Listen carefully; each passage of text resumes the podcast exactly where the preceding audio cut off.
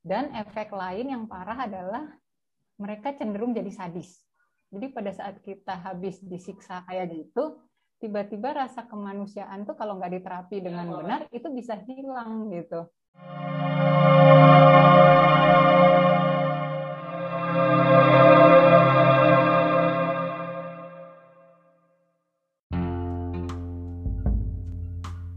Aku bilang ya, wajib beli.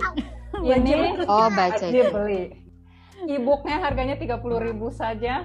Di mana di Apa tuh? Oh, itu. Ah, Search Ini. for meaning. rekomendasinya si Dwi waktu itu kan.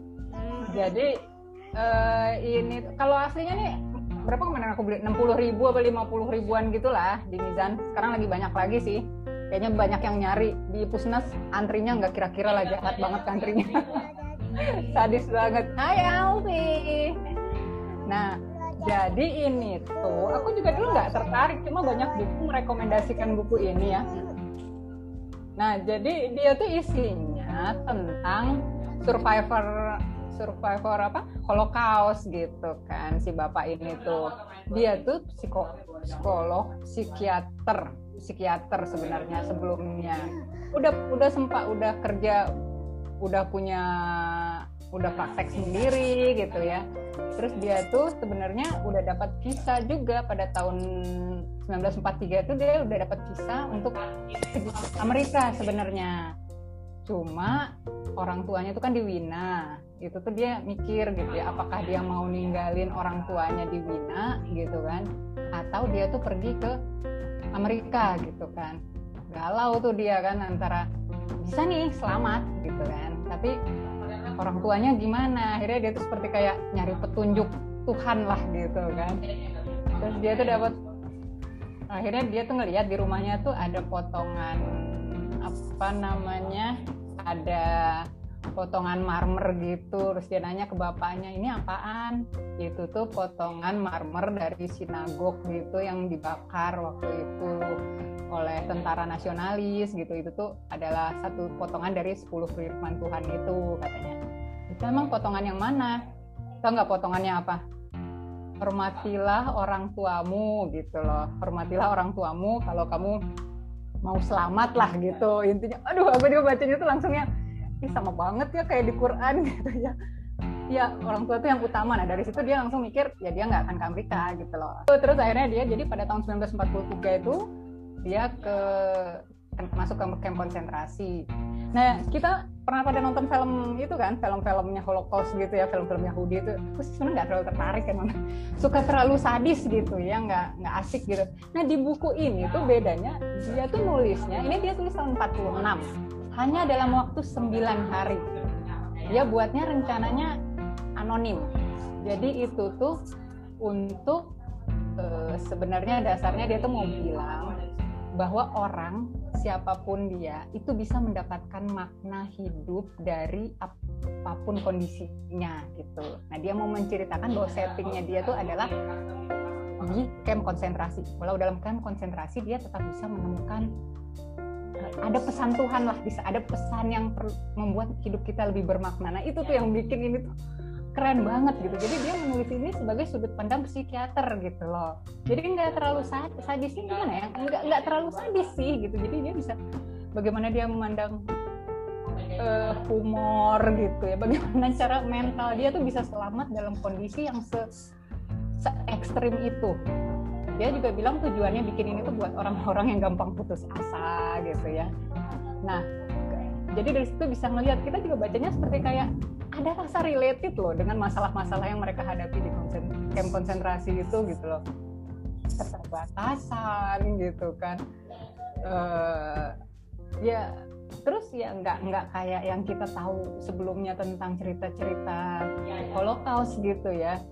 Di sana tuh yang jahat tuh kadang nggak hitam putih gitu ya. Bukan yang jahat itu pasti orang Jerman gitu yang baik tuh orang Yahudinya gitu ya itu tuh bahkan yang jahat tuh ada istilahnya kapo ya kalau di sana. Itu tuh kapo tuh adalah eh, apa orang Yahudi yang diminta jadi kepala kepala apa ya ada kelompok-kelompok eh, ketua tahanan gitu. Nah itu istilahnya kapo. Nah itu dipilih dari orang Yahudi yang paling sadis sadisnya yang paling sadis ya gitu loh. Jadi dia akan menghukum temannya sendiri. Jadi itu yang yang serem itu malah si kapok-kapoknya itu gitu loh itu bisa se segeri itu gitu kan ya yang menariknya sih bagaimana bagaimana dia eh, bertahan dalam kondisi itu gitu. Cara melihatnya itu menarik banget gitu ya. Seperti dia tuh bisa bertahan dengan hayalan istrinya gitu, menghayalkan istrinya dia seolah-olah ngobrol dengan istrinya gitu kan.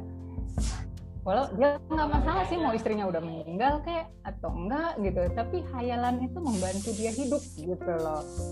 Terus dengan punya harapan gitu. Bagaimana dia masih memiliki harapan kalau nanti dia bisa keluar dia mau menceritakan pengalaman ini jadi kemampuan kita melihat sudut pandang yang berbeda dalam setiap masalah gitu loh itu tuh yang bikin ya keren banget lah.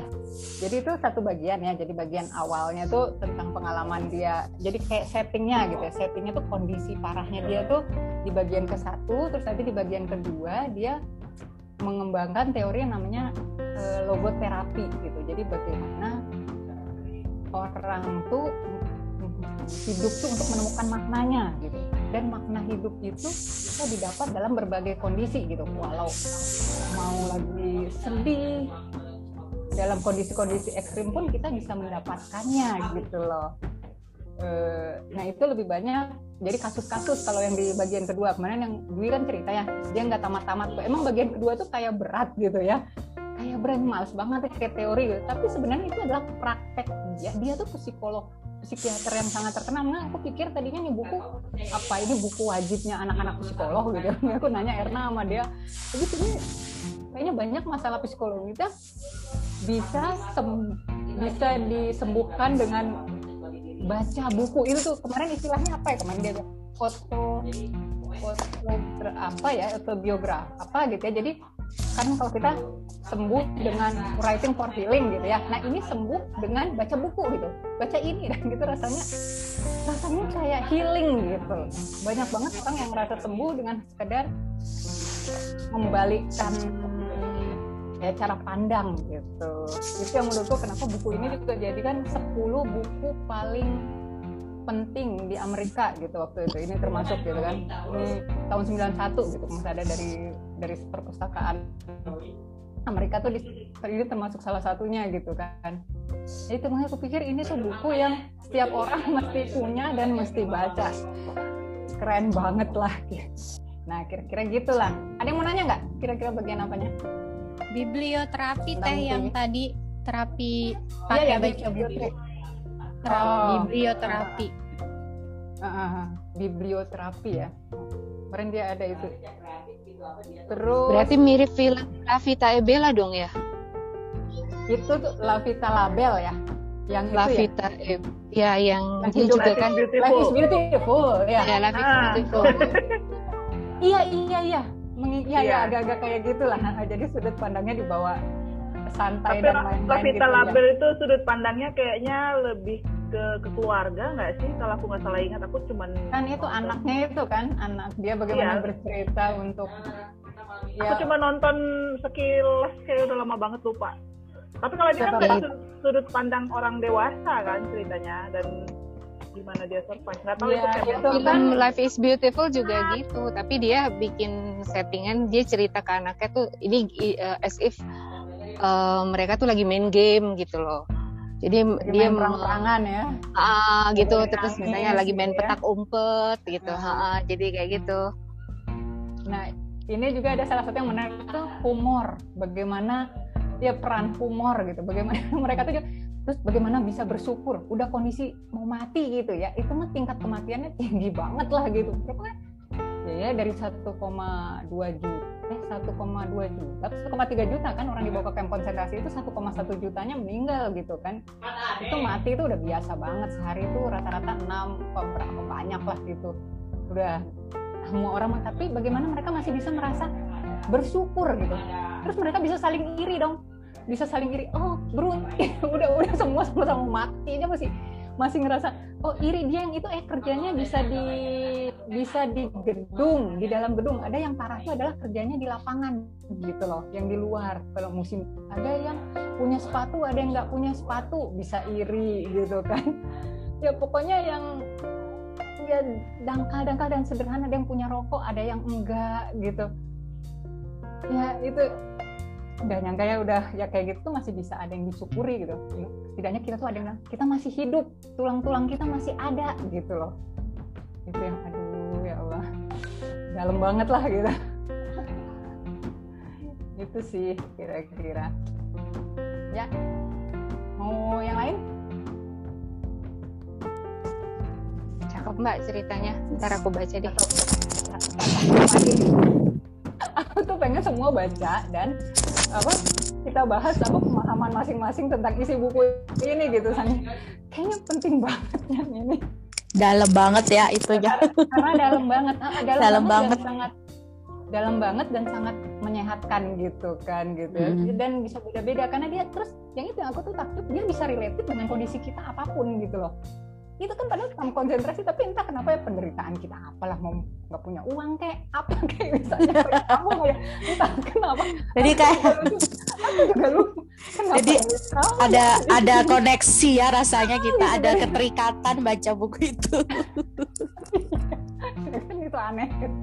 Mungkin karena itu dia juga ambil cerita ini gitu ya untuk dia tuh kan psikiater yang udah punya ribuan ribuan pasien gitu sebelum ya itu sebelum dia di camp konsentrasi dia tuh dia itu lulus tuh tahun 1930 terus dia punya dia udah kerja di rumah sakit sebagai psikiater itu di sampai sampai 1942 itu gitu loh jadi dia benar-benar psikiater yang sangat uh, praktisi yang dengan klien yang banyak ya, gitu loh. udah itu dia begitu keluar tahun 46 uh, 2046 itu dia juga masih aktif sampai 1970 gitu. Dia baru meninggal kan tahun umur 92 tahun 90-an kok meninggalnya gitu. Panjang banget lah pokoknya umurnya. Oh ya, ada berarti dia sangat Hah, kenapa? Ber berarti dia sukses mempraktekkan ilmu dia untuk ya. untuk gak sakit jiwa selama waktu itu gitu ya. Iya ya kalau aku pikir ya itu karena dia menemukan makna hidupnya gitu. Dan aku tuh sampai menarik kalau kita kan kadang di Islam tuh suka bilang makna itu apa? Beribadah kepada Allah gitu ya. Nah ternyata di kalau di versi dia ada makna hidup itu sangat spesifik setiap orang dan dia sangat khas gitu. Ada tiga hal yang membuat kita menemukan makna hidup itu. Pertama itu adalah pekerjaan mengerjakan sesuatu yang dengan ada misi mengerjakan sesuatu yang terbaik gitu kan. Kedua tuh cinta bagaimana kita sayang sekali dan pengorbanan kita sama orang lain. Di situ kita juga bisa menemukan makna. Sama yang ketiga itu adalah dari pengalaman hidup yang paling berkesan.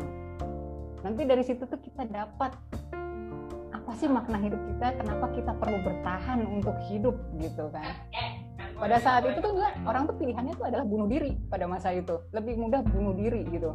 Mereka tuh ada istilahnya lari ke um, lari ke pagar berlistrik gitu. Tapi kenapa banyak orang enggak juga melakukan itu gitu? Karena mereka berpikir tingkat kematian di camp konsentrasi terlalu tinggi nggak usah bunuh diri ntar juga mati. Gitu. sampai kayak gitu gitu kan.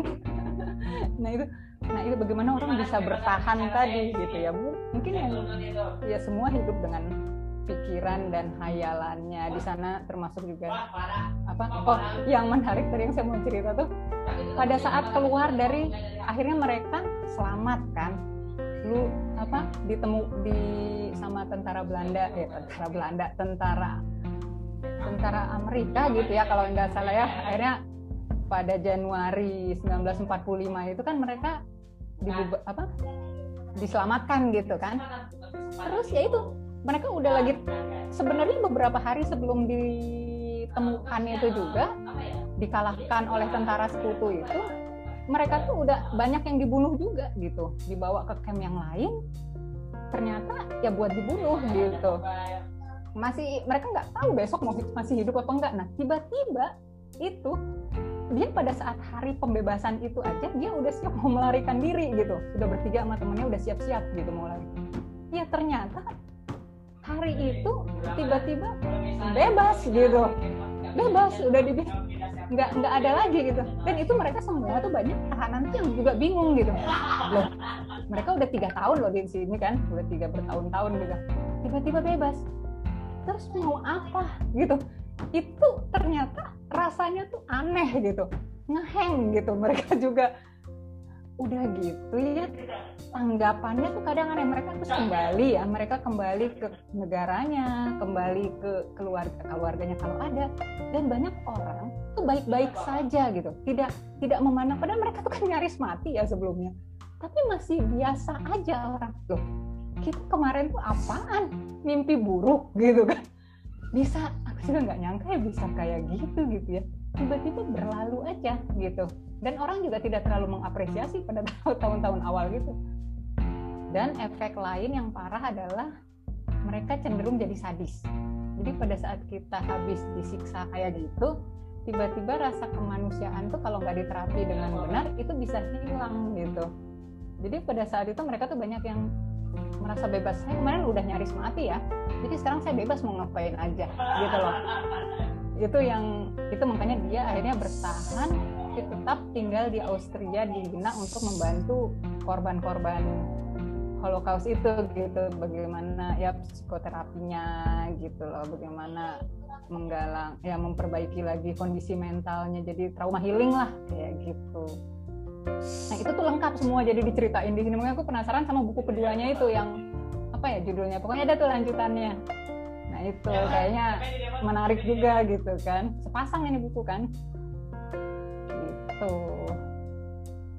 Ya, aku Oke, baru baca ya semua ya. aku baru nge loh teh. Jadi itu tuh ternyata dia tuh yang nyiptain logo terapi si Ah. apa? Victor itu. Nah, Jadi kalau di apa si nama terapinya jadi logo terapi apa terapi pencarian makna. Kalau di sini itu bukunya namanya penulisnya Bastaman itu tuh waktu aku Oh. kuliah S1 ya ada Iya kan?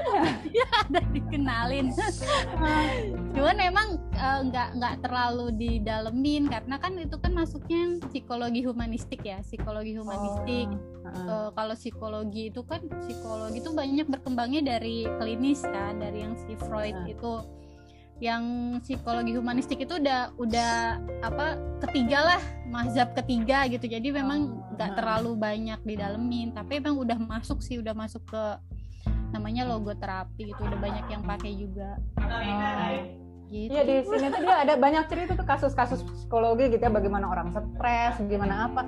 Itu tuh dia sistemnya itu di sini yang cuma kayak kayak ngasih tahu satu kalimat gitu loh. Jadi kalau begini gitu ya, kamu mesti gini, ada suami yang trauma banget istrinya meninggal gitu kan. Eh, Aku jadi langsung ingat Pak Habibie gitu ya. Nah itu tuh itu tuh sampai wah stres berat gitu si suaminya ini. Terus dia tuh kayak ngasih tahu gitu di situ tuh terapinya adalah coba kamu bayangkan apa yang terjadi kalau yang meninggal adalah kamu. Istri kamu kira-kira sedih nggak? Oh iya dia pasti sedih banget gitu loh.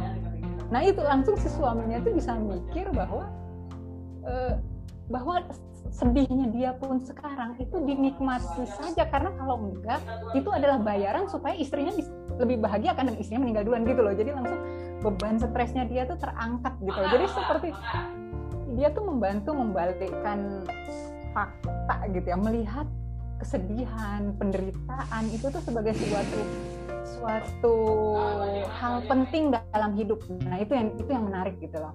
Bagaimana kita memaknai penderitaan. Nah, tapi itu penderitaan bukan yang dicari-cari ya, penderitaan yang tidak bisa ditolak. Itu yang beda katanya. Penderitaan yang udah datang dari sananya gitu. Sakit yang nggak bisa ditolak gitu, bukan yang kita cari-cari gitu kan. Itu mah enggak gitu ya. Nah, itu gitu loh. Terus mengenai trauma macam-macam lah gitu. Dia tinggal membalikkan sesuatu yang ya ampun keren banget gitu gue itu menurut kayaknya psikolog tuh ya ya itu gitu ya perlu tahu ya itu bagaimana membalikkan sudut pandang dan itu pas dengan orangnya gitu kan kira-kira begitu. Seru, sudah seru. ramai sekali. Ya. Sudah ramai sekali. Ya gantian. Biar kita bisa lebih banyak buku yang Iya, dibaca. keren banget, keren banget bukunya. Kayaknya tapi ya, aku punya masalah menyelesaikan bacanya karena itu aku bacanya kemarin kan yang dari Upusnes terjemahan ya. Ah, bukan apa-apa sih bahasanya kadang-kadang aku agak kurang mengerti. Iya iya. Ba bagian keduanya apalagi sangat banyak istilah-istilah psikologis gitu kan. Itu mah beneran. Hmm. Aku pikir tadi Jadi, itu buku teori anak psikolog makanya kan terlalu teknis tapi juga. mungkin gitu. mungkin nanti belilah buku bahasa Inggris. harus harus dibaca makanya harus dipunyai untuk nanti kita baca sedikit-sedikit gitu loh kayaknya. Nanti kita kita bisa kupas tuntas kapan-kapan lagi. Oke, cakep. Terima kasih Mbak Santi, Teh Santi atau Kak Santi. Kita manggilnya banyak banget Mbak Santi. tergantung daerah, tergantung daerah ya. Yeah. Orang Bandung panggilnya Teh, orang di luar tadi panggilnya Mbak. ya, buat teman-teman yang baru bergabung tadi Mbak Santi udah cerita tentang buku Man Search for a Meaning. Uh, Victor siapa penulisnya tadi namanya? Victor Frank. Bukan bukan bapaknya N Frank ya, beda beda ini mau beda. Iya.